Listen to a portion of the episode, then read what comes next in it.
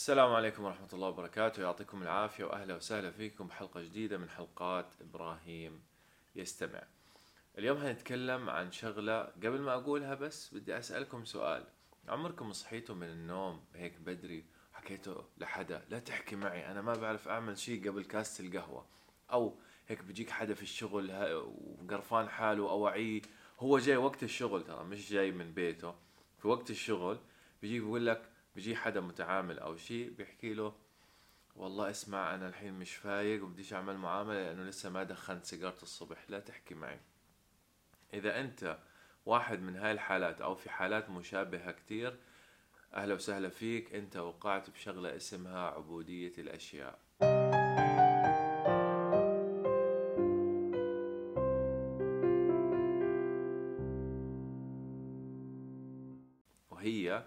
إنك أنت بتفترض أو بتخلي الأشياء تتحكم فيك.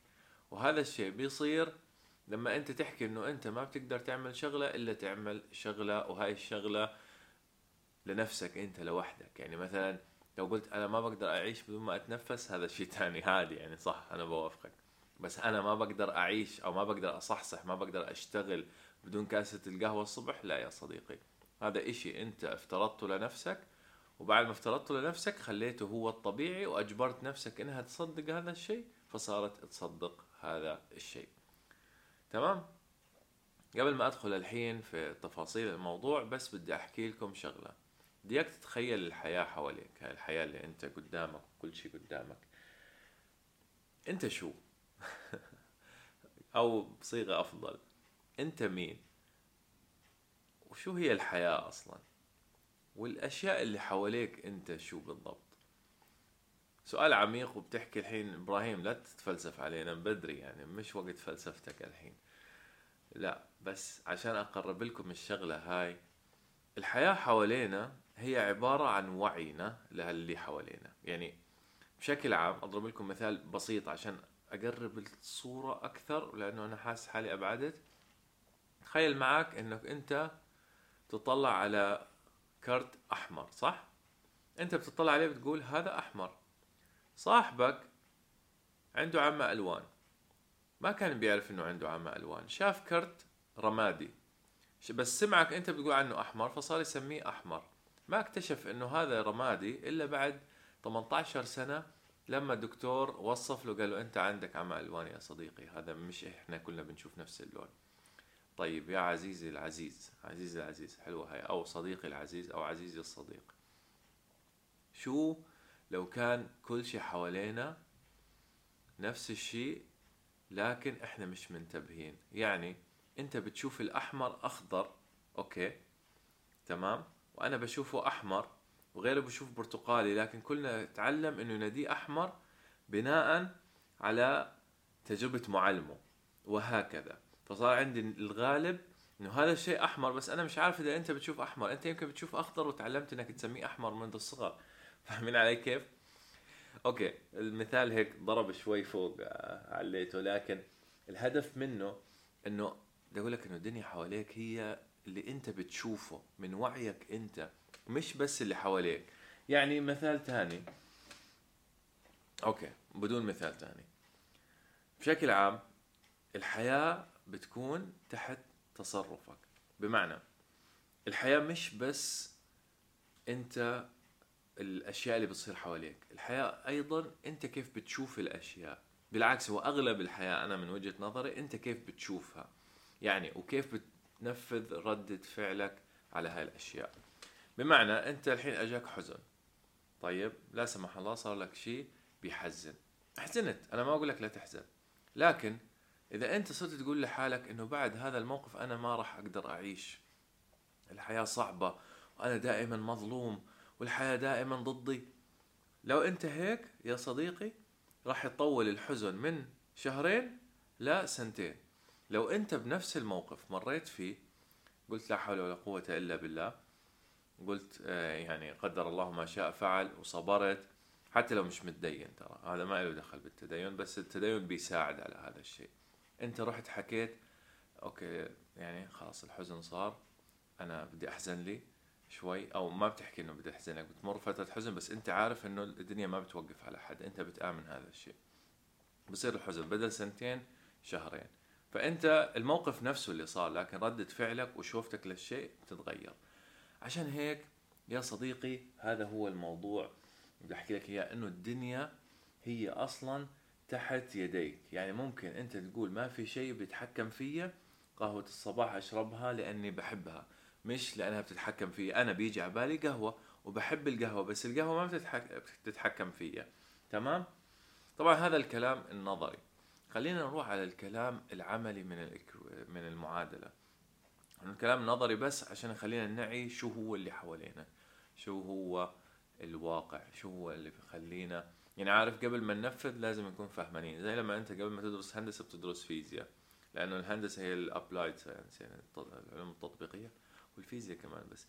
المهم يعني آه في بتفهم المعادلة بعدين بتروح بتطبقها في المعمل. نفس الشيء إحنا فهمنا كيف إنه ممكن ما نكون آه ما بنخلي الأشياء تتحكم فينا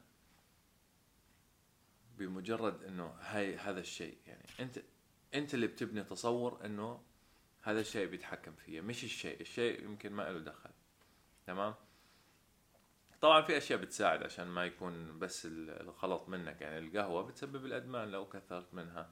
نفس الشيء آه، المخدرات نفس الشيء الناس اللي بتحبها أوكي؟ فعشان هيك لازم أنت تعمل ترك صغير من الناحية العملية. لما تشوف في إشي بتحبه كتير ابعد عنه. ابعد عنه فترة. درب نفسك إنك تعيش بدونه. بمعنى أنت بتحب القهوة كل يوم الصبح لازم تشرب ثلاث أربع فناجين على طول مدة دوامك. خلاص أنا عشرة أيام ما بدي أصيب قهوة كيفي؟ أول يوم يمكن تصدع يمكن نفسيتك تضحك عليك تقول لك والله أنا مصدع. يمكن يكون عن جد أنت فيك صداع لأنه عن جد القهوة بتسبب الإدمان. لكن بعدها يوم يومين ثلاثة أربعة بعد خامس سادس يوم هتحس إن الأمر طبيعي وهذا صار الطبيعي بعدين لما ترجع هتصير كاسة القهوة اللي تأثر فيك؟ كانت ما تأثر فيك؟ صارت تأثر فيك مرة ثانية يعني أنت بتستفيد من ناحيتين ناحية نفسية والناحية الجسدية. يعني في بيسموها مستقبلات الدوبامين. نفس الشيء في مستقبلات الكافيين. يعني بصير آه، جسمك يبط يطلع من حالة الإدمان شوي. والهدف منه إنك أنت ما تصير عبد لهذا الشيء. نفس الشيء بتقدر تعمله لما تكون مع حدا بتحبه. okay هذا trick صغير المفروض ما تعملوه. آه لأنه okay لا تعملوا okay؟ بس أنتم عشانكم متابعين لازم تكونوا أقوى من غيركم لازم تكونوا فاهمين شو الموضوع ولو حدا عمله فيكم. أنت لما تحب شخص كتير وتصير متعلق فيه كتير أول ما تحس إنه خلاص هيك في تعلق قوي جدا جدا جدا ابعد شوي. ليش تبعد شوي؟ أول شيء تدرب نفسك إنه أنت بتستحمل البعد مش إنه يكون التحكم في إيده بيقرب وبيبعد وأنت بتجري وراه. أوكي؟ هيك أنت بتدرب نفسك. راح الله يسهل عليه. بس ما بتبعد بتقطعه يعني لما كمان ما تعذبه. فعشان هيك بحكي لك شوي شوي عليه. بس أنتم متابعيني فا okay. راح أعطيكم هذا ال trick بس تبعد شوي منه. هو هيصير يجري وراك. هيصير يدور وين؟ ليش؟ شو صار؟ في شيء غلط صار. okay بتبدأ عنه بتحسسه بالخوف. مش بالخوف أو إنه بتحسسه إنه أنت مش متعلق فيه مليون في المية. بس يجيك أعطيه شوية validation أو بيسموها أو أعطيه شوية حب أعطيه شوية تقدير أعطيه وات يعني. وهيك سوي لين ما يصير خلاص إنه هو بدور عليك مش أنت بتدور عليه. بهاي الطريقة أنت دربت نفسك وخليته يتعلق فيك أزيد. لا تسويها لأنه لازم يكون الحب أصلا كويس. من قلبك مش شغلة ألعاب و games وهذا بس الحب فن مش شيء بسيط إنه بس خلاص. أنا حبيت تعلقت بالشخص يعني أمورنا طيبة إحنا اثنين مناح مع بعض خلاص هنستمر لا الحب هي بدك تتعلم كيف تحب كمان. مش بالطريقة اللي حكيتها بطرق ثانية هذا موضوع ثاني. طيب نفس الحالة هاي بتصير في كو في عدة أشياء إحنا ممكن ندمن عليها. مثلا السكر آه أي عادات تشوفها فيها ضرر إلك حاول تعمل هذا التمرين عليها إنك تتركها مدة عشرة أيام. إذا سجاير اتركها للأبد بس يعني كبداية اجبر نفسك إنك تتركها خمس أيام وقول لعقلك إنه أنا مش محتاج هاي السجاير. ما تضلك تحكي اف لازم لازم صداع لازم. تمام؟ يعني لازم كمان ناحية آه، نفسية وناحية عملية أو ناحية نظرية في عقلك وناحية آه، عملية. تمام؟ هذا الموضوع باختصار يا صديقي.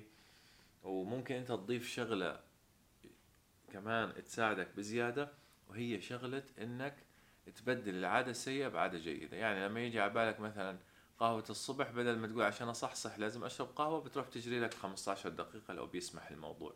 وهكذا. يعني نبدل عادات جيدة بعادات سيئة وهيك أنت بتصير خلاص شوي شوي شوي شوي فجأة بنلاقيك سوبرمان.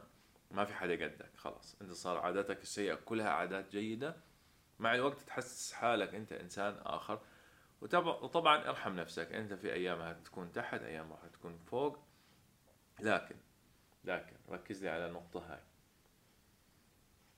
اتذكر إنك أنت عظيم. شو يعني؟ يعني أنت تعبد العظيم أوكي؟ فمن عظمة العظيم تستمد عظمتك أنت وقيمتك أنت. أنت مش عبد لكاسة قهوة ولا عبد لسيجارة أنت عبد لشيء أعظم. تمام؟ أنت عبد الله. لا يمكن يكون محمد بس يعني أوكي ها ها.